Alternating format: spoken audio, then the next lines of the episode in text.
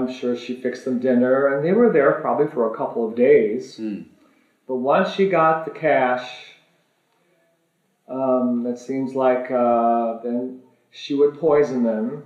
This is my understanding, and I think it makes sense that she would poison them probably for, in their dinner at night with arsenic and strychnine, and they would get drowsy from this poison. And, but to make sure that they died, she would hit them over the head, probably with a hammer or something, and to make sure she killed them. Because they did have cracks on their skulls, of some of the skulls that we found. And so she made sure they were dead.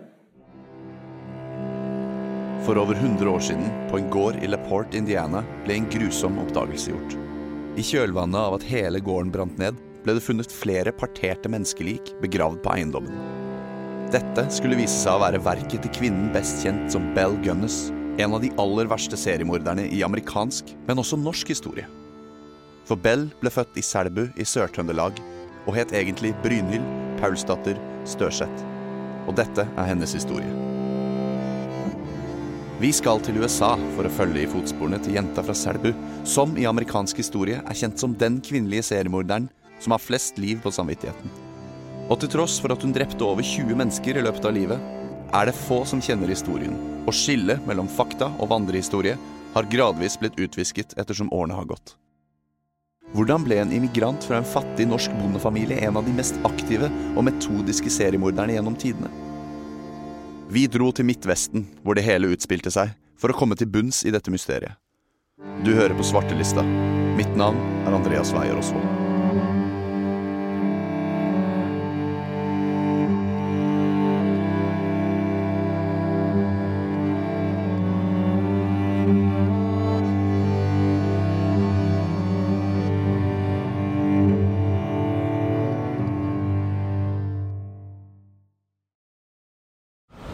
Vi sitter på en trebenk i en sidegate til hovedgaten i LaPorte City, som ligger i LaPorte County, som igjen ligger i Indiana.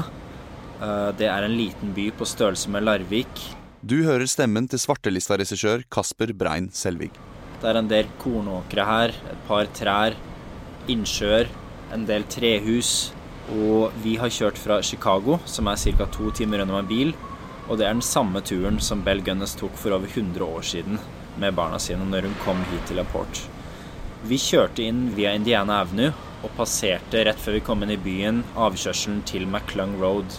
Og det var i enden av McClung Road at farmen til Bell Gunness lå. Det vi skal, det er å besøke det lokale museet som ligger på den andre siden av byen. Og vi har kommet for å møte han som har satt opp denne utstillingen. And my ancestors all came from Sweden and emigrated here, and some of them knew Balganis, and I became really interested in the story about Balganis, and I've been researching her for several years. Bruce Johnson er pensjonert lærer og formann for LaPorte County Historical Society.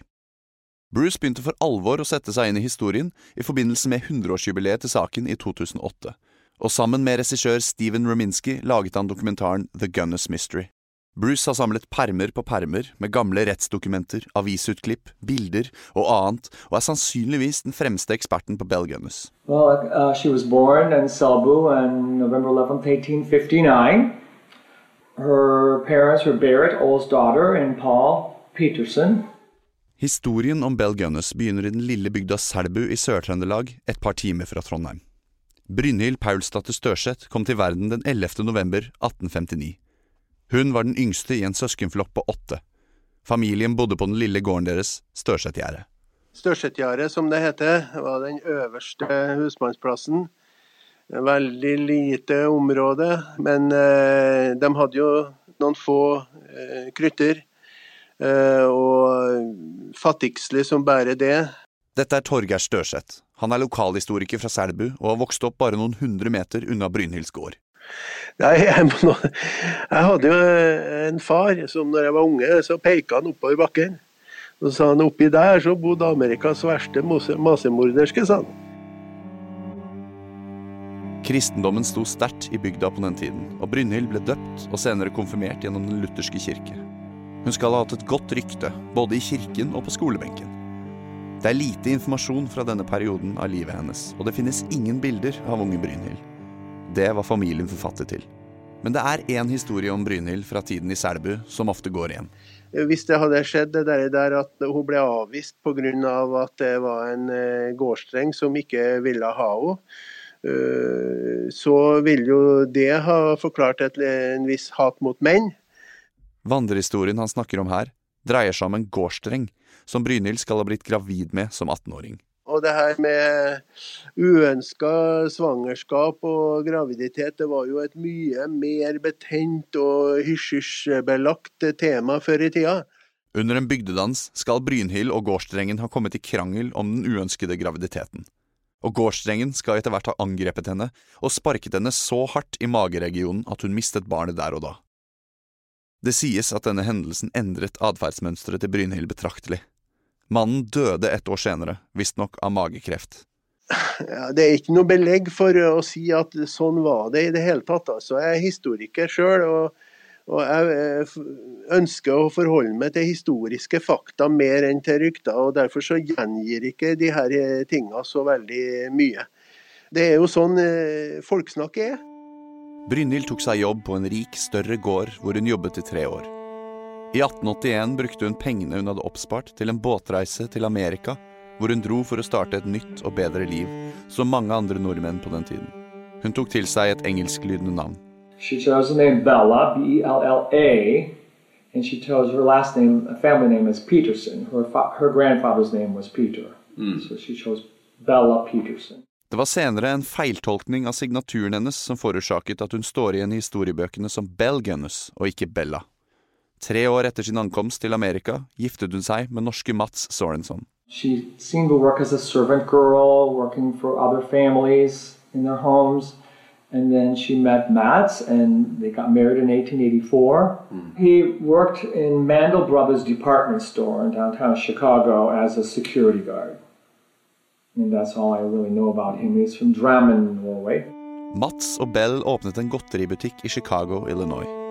Det gikk ikke spesielt bra med butikken, og ett år etter åpning brant den ned. Og paret innkasserte nok forsikringspenger til et nytt hjem i Austin, Illinois. Det bodde fire barn i Sorenson-huset. Caroline, Axel, Myrtle og Lucy. Men det er flere som mener at Bell ikke var moren deres, og mange har prøvd å komme til bunns i dette uten å lykkes. Fødselsattestene deres viser navnet på faren, Sorenson, men ingen mor. Caroline og Axel døde veldig unge. Angivelig av kolitt, en betennelsessykdom som rammer endetarmen. Obduksjoner av Bells senere ofre viste spor av stryknin og arsenikk, gifter som angriper tarmen, i likhet med kolitt. Det spekuleres derfor i om det skjulte seg en mørk sannhet bak barnedødene. Mange mener de unge barna var forsikret, og at Bell og Mats, som med godteributikken, igjen fikk utbetalt betydelige summer, som et direkte resultat av dødsfallene. Well, I haven't found any proof of that, but several books that I've read and papers that I've read say that uh, there was insurance on these children, and that's another reason why she got into this insurance business here. yeah. Of uh, making sure that there was insurance before all these mysterious things happened, fires and deaths. So uh, I don't know about insurance in Norway at that time, mm. but um, I think this was a was an eye-opening experience for her. Mm. That this was one good way to get some money. It was an unusual way. Of course, she's losing lives along the way, as well as homes and businesses. But uh, each time she seemed to get insurance And uh, once that started, it didn't seem to stop. For omverdenen fremstår Mats og Bell som et lykkelig, normalt par i et flott hus fullt av barn. De tar etter hvert også inn ei fosterdatter, Jenny Olsen. Jenny's mother had passed away uh, just when um, Jenny was a few months old. Yeah. And uh, her father um, was not able to take care of her because he was on ship. Mm. And he had three older children as well. So he, he knew Mads and Bell Sorensen in Chicago, and they took in foster children, and so he went to them and they took her in. So Bell raised her all those years. Det skulle komme flere mistenkelige dødsfall og utbetalinger. Det var om sommeren etter århundreskiftet, og Mats Sorenson hadde allerede en aktiv livsforsikring verdt 3500 dollar, men Bell ville ha mer. Well, he did have some health issues, and one was a heart problem, I understand. Um, but uh, yes, he had a life insurance policy for $3,500. And I don't know how long he had that policy, but Bell felt that he needed a larger insurance policy, a life insurance policy. And so he did take out a larger one for $5,000. And it was they were to overlap to make sure he was covered. But it just so happened that on that one day that the two policies overlapped is the day he died. This was the first time that she, I feel she really got away with murder. Den første legen som undersøkte liket til Mats, konkluderte at han var blitt drept. Forgiftet med stryknin. Men familielegen var av en annen oppfatning. Han hadde behandlet Mats for et forstørret hjerte, og konkluderte at hjertesvikt var dødsårsaken. Slektningene til Mats mistenkte det åpenbare. Bell hadde forgiftet mannen sin for pengene. Det ble foretatt en obduksjon, men for å bevise en strykninforgiftning måtte en spesialobduksjon av tarmen utføres, og dette ville koste familien 300 dollar ekstra, noe de ikke var villige til å påkoste seg. 300 dollar som kunne stoppet Bell der og da. Men historien ville det ikke slik. Bell innkasserte 8500 dollar, noe som tilsvarer opp mot 2 millioner kroner i dagens valuta. For pengene kjøpte hun seg en gård i LaPorte, Indiana, i enden av McClung Road. Her bosatte hun seg i november 1901 med de overlevende barna Myrtle og Lucy Sorenson, samt Jenny Olsen, fosterdatteren hun og Mats hadde tatt inn. Året etter tok hun kontakt med slakteren Peter Gunnes, og det tok ikke lang tid før Bell igjen var en gift kvinne. And he was only in LaPorte for a short time, just like a, about a month maybe. Mm. And they decided to get married. Ja. And they were married on April the 1st, 1902. I don't know if about in Norway, but April the 1st here in the United States is called April Fool's Day. We have that as Not well. a good thing, so yeah. Foolish thing to do. Det har ikke gått mer enn én uke siden bryllupet før ulykken rammer den yngste datteren til Peter, Jenny Gunness, et spedbarn på rundt ett år. Det skjer mens Bell passer på henne, og Bell har ingen god forklaring på årsaken. Men Jenny dør, og det er ingen som mistenker Bell for noe. Barnedød på denne tiden var ikke uvanlig. Så, nær juletider det samme året, er det slakteren Peter Gunness sin tur. Uh, uh, sat down next to the stove in the kitchen, his where his shoes were being warmed. He was going to go outside, so he was putting on his shoes, and while he was doing that, uh, he bumped the stove, and she had been boiling some water to uh, use for sausage, and it tipped over and scalded the back of his neck, burned the back of his neck. And then the sausage grinder that was sitting on the shelf above his head fell and hit him in the back of the head. That's the story that she told. Peter skal så, ifølge Bell, ha lagt seg ned i sengen. Hun var klar over at han hadde slått hodet, men hun trodde visstnok ikke at skaden var så ille, så hun lot ham bare ligge. Senere sendte hun likevel nabogutten inn til byen for å hente doktoren. Doktoren kom og erklærte Peter død. Men det var noe som ikke stemte. Peter hadde, ifølge doktoren, vært død en god stund. Og dette vakte mistanke mot Bell. Well, they instead of having the funeral right away, they put it off to still do some investigating. But unfortunately, they couldn't find enough proof to show that she had hit him over the head and killed him.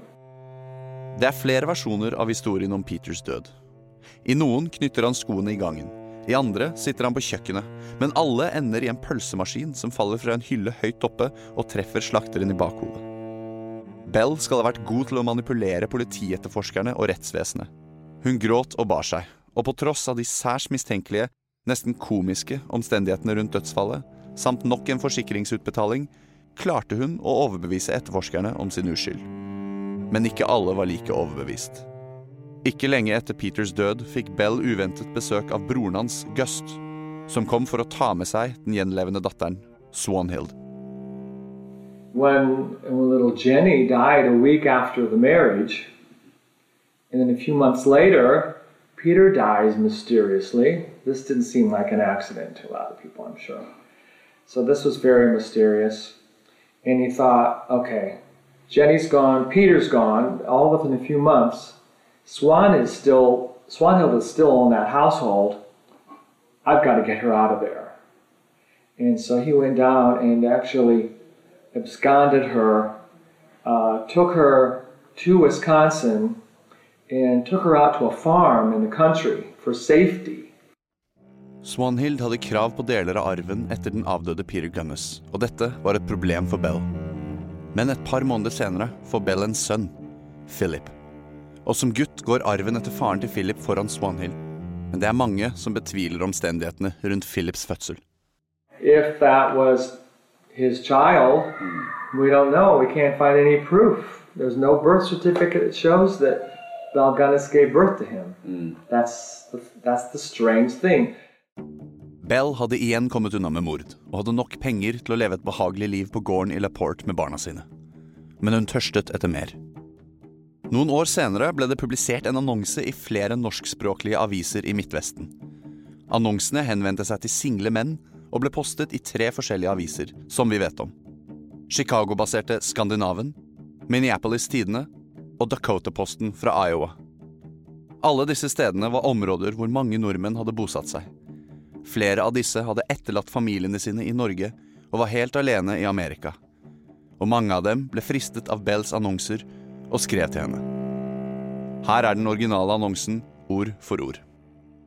Ønskes. En kvinne som eier en pent beliggende og verdifull farm, ønsker en bra, pålitelig mann som partner i samme. Må have litt kontanter, hvorfor beste sikkerhet gjeves. Skriv til PS Care of Minneapolis Tidene, Minneapolis, Minnesota. Flere mannlige norske migranter så Bells annonse og tok kontakt. Bell begynte å brevveksle med disse mennene i stort omfang. Uh, from the post office, and the man mail, he delivered a mail, uh, maybe as many as four letters a day. So she had to be writing a lot of letters. Noen av disse brevene har dukket opp i årene siden, og derfor vet vi hva Bell skrev for å friste mennene til å komme til gården sin. Well, she would write um, wonderful things about Norwegian foods that she could make, and, and what a beautiful farm she had, and what a lovely place LaPorte, Indiana was, a nice place to live, and how close it was to Chicago. And she would just make life wonderful for these men if they came to be partner in her farm. Men Bell hadde et sett med regler, strenge regler som beilerne måtte følge hvis de ville komme til henne. Først og fremst skulle de ikke fortelle en sjel hvor de skulle. Det skulle være en hemmelighet dem imellom, en spennende hemmelighet. De måtte også selge alt de eide og ta med alt i kontanter. Bell understrekte også at det var viktig at de skulle sy pengene inn i undertøyet sitt for å holde pengene trygge. Så skulle de reise inn til LaPorte med tog, hvor Bell ville møte dem på stasjonen, og det var viktig for henne at hun møtte dem der, før de fikk muligheten til å snakke med noen andre. I think that was the main thing. She didn't want them to get to know anybody else first. She wanted to beat them, bring them directly to her farm, keep them on her farm, and uh, because then nobody would be aware that they were there, and when they disappeared, nobody would question it. Det sies at Bell var en stor kvinne, i ordets bokstavelige forstand. I Dagbladet torsdag 30. april 1931 beskrives Bell på følgende måte. Noen skjønnhet var hun ikke. Hun ble snart meget tykk, hadde grove trekk, svære armer og hender, stritt, sort hår og dorske, brune øyne. Sitat slutt. Men dette stoppet altså ikke Bell fra å lokke den til seg.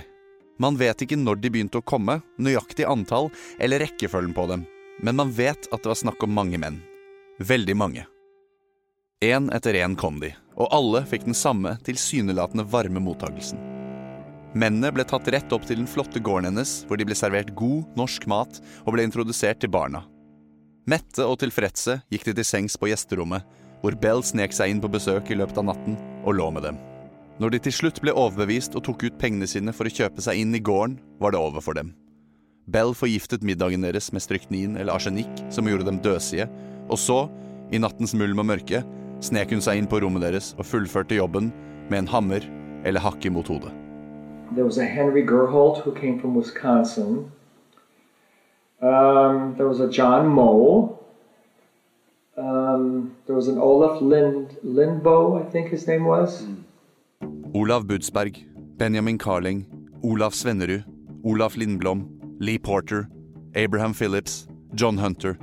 Listen over de som møtte sitt endelikt på gården, bare fortsetter og fortsetter. En annen som påstår å ha besøkt dødsfarmen i LaPorte, var George Anderson fra Missouri. Som Bell og brorparten av beilerne var han opprinnelig norsk.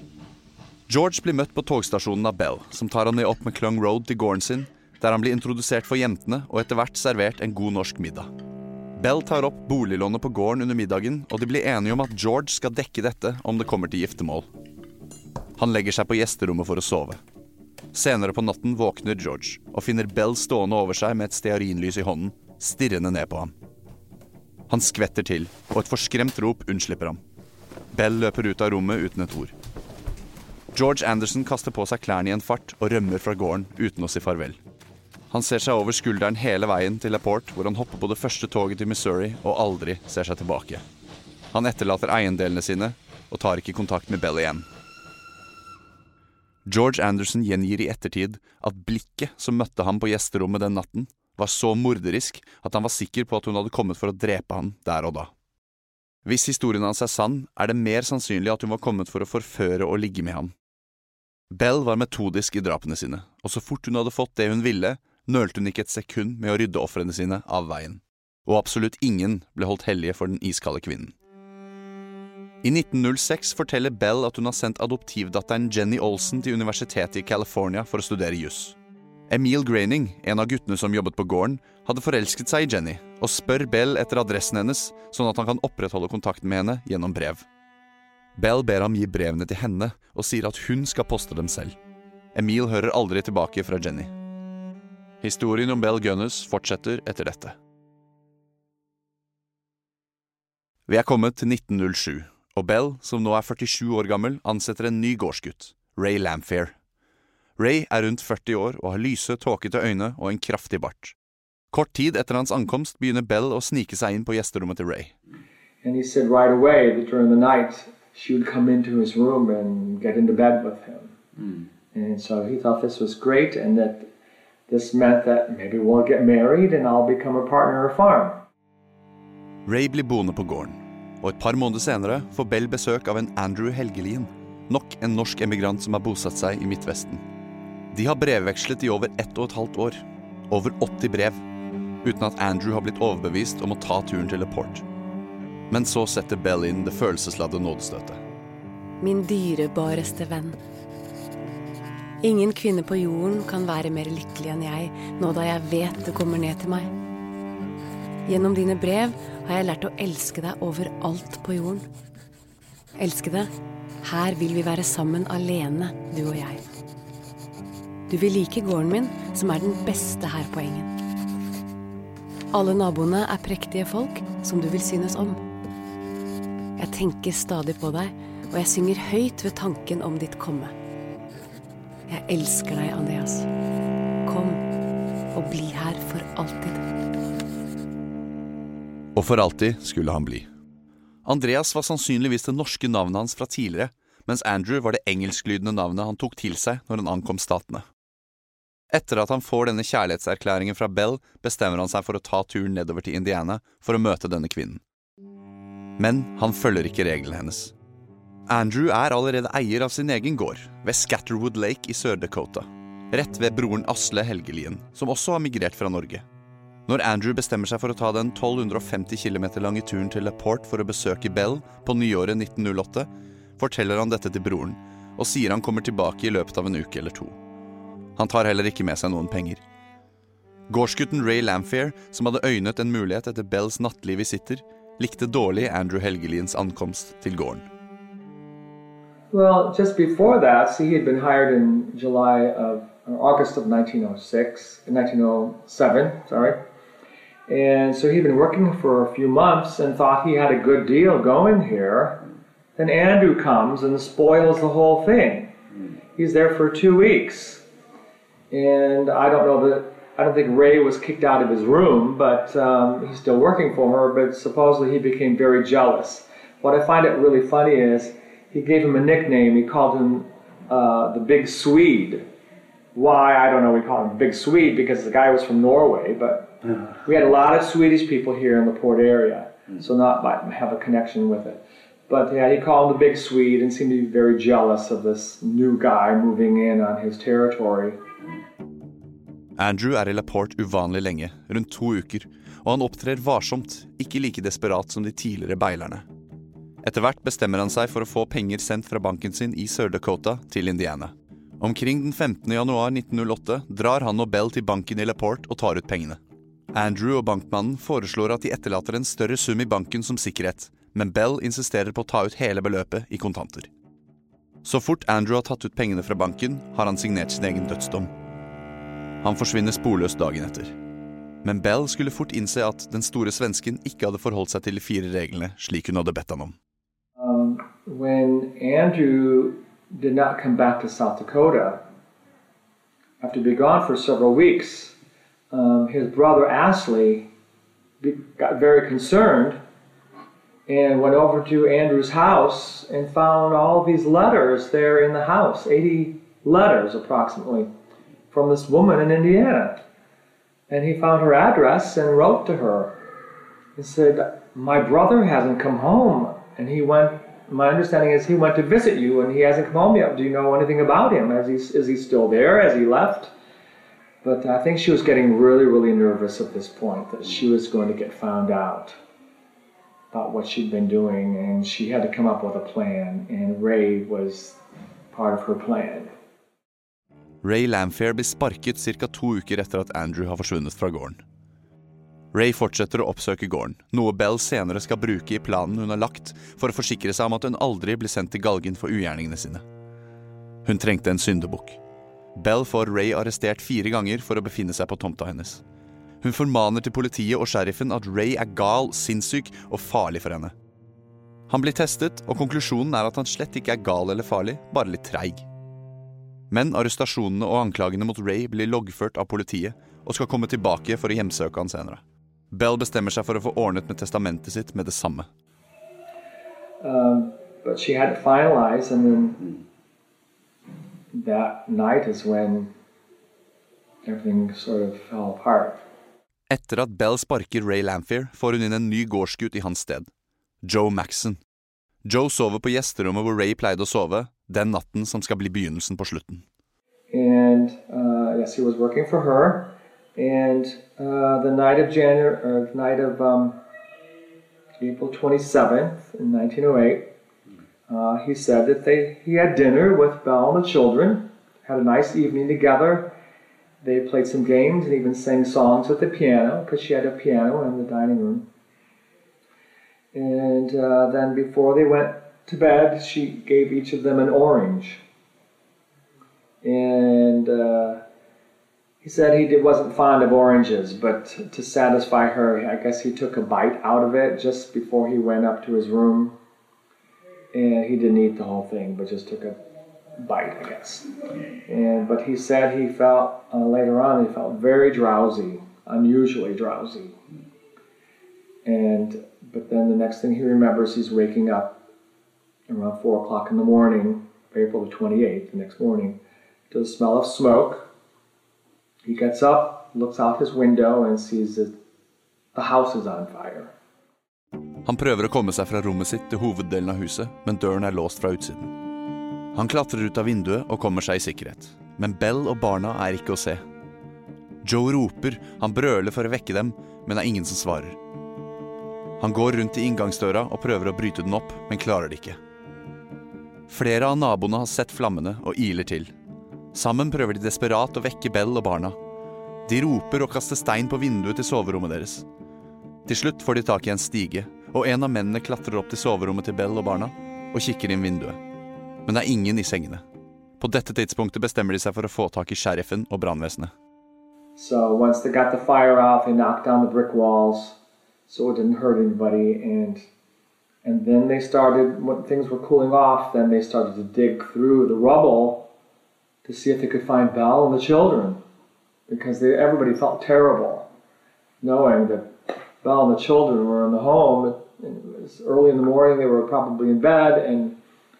And so people came out and were concerned, and so they started digging through the rubble of the basement. Omsider, rundt kvart på fire på ettermiddagen, i et hjørne av Bells kjeller, finner de noe. Kroppene til tre barn og en hodeløs kvinne, forbrente. Det manglende hodet er ikke å finne i brannrestene. Sheriffen tar med seg kadavrene til likhuset og begynner etterforskningen, og byen er i sjokk. Når denne grusomme oppdagelsen gjøres, står én person igjen som åpenbar hovedmistenkt. Den oppsagte gårdsgutten Ray Lamphere. Ray blir arrestert senere den dagen for ildpåsettelse og mord. Politiet antar at det er Bells kropp de har funnet i det nedbrente huset. Men hvor er hodet? Hvis dette var en ulykke, hvorfor er Bells hode kappet av og forduftet? Har noen drept barna, halshugget Bell i prosessen før vedkommende tente på huset? Kort tid etter brannen og arrestasjonen får broren til den forsvunne Andrew Helgelien, Asle, nyss om brannen. Asle bestemmer seg for å besøke gården for å lete etter spor av sin savnede bror. Han setter seg på toget til LaPorte og ankommer byen i begynnelsen av mai 1908, en ukes tid etter brannen. Han leter rundt på tomta etter tegn til broren, men finner ingenting, og drar tomhendt tilbake til hotellet han bor på. Men Asle gir seg ikke, og dagen etter drar han ut til gården igjen. Der kommer han over den nye gårdsgutten, Joe Maxon. Joe Maxon is still taking care of the farm. And he said, Is there anywhere on the farm where you had buried anything? He said, Well, back in March, we did bury some garbage. I can show you where it is. And they dug down about three feet and pulled out this gunny sack of garbage, and there were chicken heads and fish heads and things in their tin cans, and but when they started taking it out of the gunny sack, here was this these body parts, and uh, asked the recognized right away that that was uh, Andrew's body. They called for Sheriff Smutzer right away. Sheriffen ankommer, og de begynner å grave rundt på området. Etter de har gravd bare noen få fot, støter de på enda en død kropp. Det viser seg å være Jenny Olsen, adoptivdatteren som angivelig studerte i California. And here, of all things, they dig up Jenny Olsen's body next. And I found it really unusual because in my research, I knew that um, she was born on, I want to say May 5th or May 6th. And this was the, that was the, would have been her 18th birthday on that day that they dug up her body. Hvorfor Bell drepte adoptivdatteren, er det ingen som vet, og er noe vi sannsynligvis aldri vil finne ut av. Uh, that's another one of the great mysteries for me is why, after raising this beautiful child from an infant, all these years, 16 years, and why all of a sudden she decided to do away with her, I don't know. I don't know that Jenny was getting suspicious. Some people thought, well, maybe she was wondering about what was going on. Um, but she's uh, over the years, her family wanted to take her back, but she never wanted to leave Val on the farm. She really was happy there. So it's another great mystery. She seemed happy there um, and content, and why Belle would kill her, I don't know. Sad, sad thing. Alt i alt finner de rester av 13 parterte menneskekadavere i jorden på gården til Bell. Det begynner å gå opp for alle hva hun faktisk har drevet med der på gården. Og nå begynner man å stille seg spørsmålet om den hodeløse kvinnen de fant i kjelleren, faktisk er henne eller ikke. Kroppen er totalskadet av brannen. Kullsvart, med deler av hender og føtter brent bort. Så forbrent at det er tilnærmet umulig å identifisere liket. Dette til tross klarer etterforskerne til slutt å konkludere at den hodeløse kvinnen ikke kan ha vært høyere enn 1,60, mens Bell ble beskrevet som nærmere 1,80 og en mye kraftigere kvinne. I et sitat fra Los Angeles Herald fra 27.11.1908 uttalte Ray Lamphere at han var helt sikker på at den hodeløse kvinnen var Bell. Det ble funnet dødelige doser av stryknin i tarmene til de tre barna og den hodeløse kvinnen. Men av en uforklarlig grunn ble alle kroppene testet sammen, så man vet ikke om alle eller bare noen ble forgiftet. Uh, there, there were some people said, well, that's her body. And others said, no way, that can't be her body. There's no head there. Look what this woman did. She killed all these people. Whoever this body is, is somebody that she planted there. And she's escaped. So that was the big thing. Byen er splittet i spørsmålet om hun kom seg unna eller ikke. Her er historiker Torgeir Størseth igjen. De, den demokratiske delen, det, det deltes jo i partipolitisk skille, det her. Republikanerne de støtta sheriffen som sa at uh, hun ble drept av drengen, og at, at Hom hun omkom i brann. Og De demokratiske sida de støtta forsvareren til drengen, han Whit Warden. Og han var aktiv demokrat, og de to avisene i Lapport de delte seg også. Så det var jo en strid fra første start der her, om det var Belle som var kvinnelik eller ikke. Når historien om hva som har skjedd på grisefarmen i LaPorte begynner å spre seg, kommer folk fra nær og fjern strømmende til LaPorte.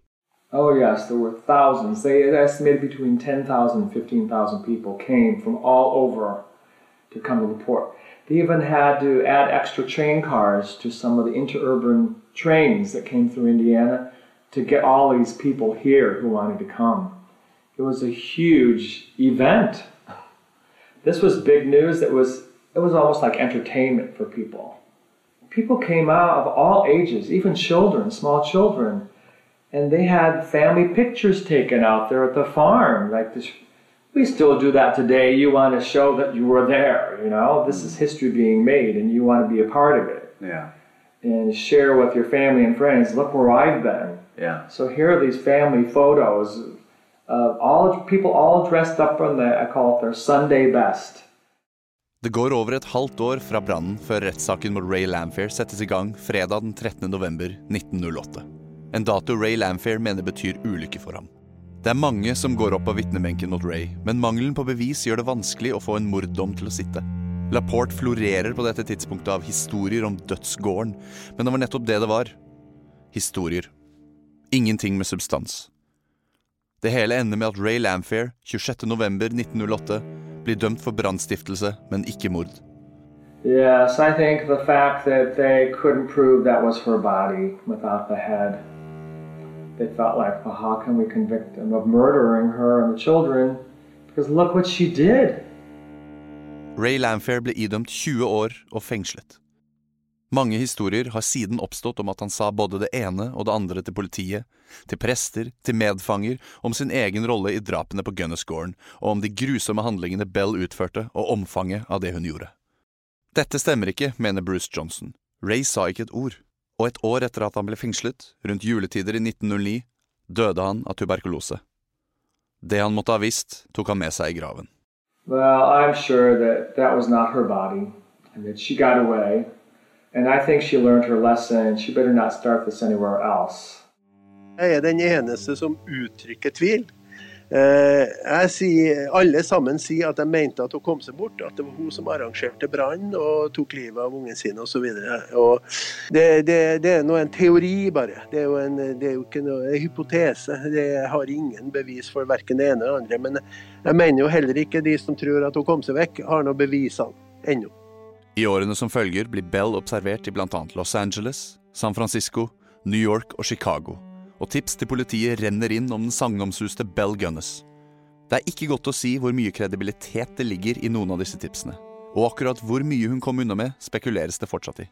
Men det antas at hun akkumulerte et sted mellom 200 og 300 000 dollar, som tilsvarer nærmere 6 millioner dollar i dagens valuta. Og det er pengeaspektet som skiller henne fra andre seriemordere opp gjennom historien. Var det dette alene som drev henne til å utføre de groteske handlingene?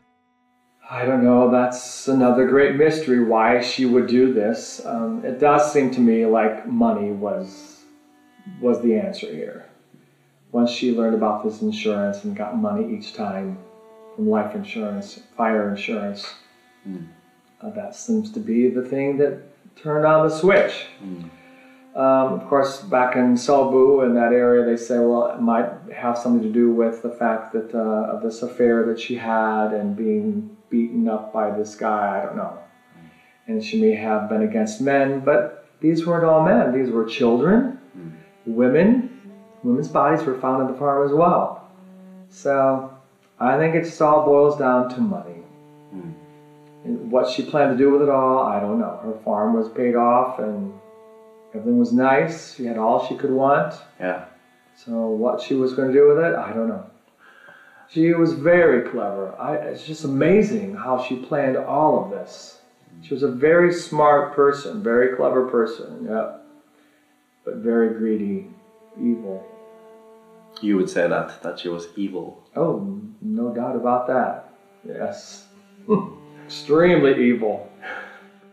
Over 20 år senere blir en kvinne ved navn Esther Carlson arrestert for å ha forgiftet mannen sin for penger.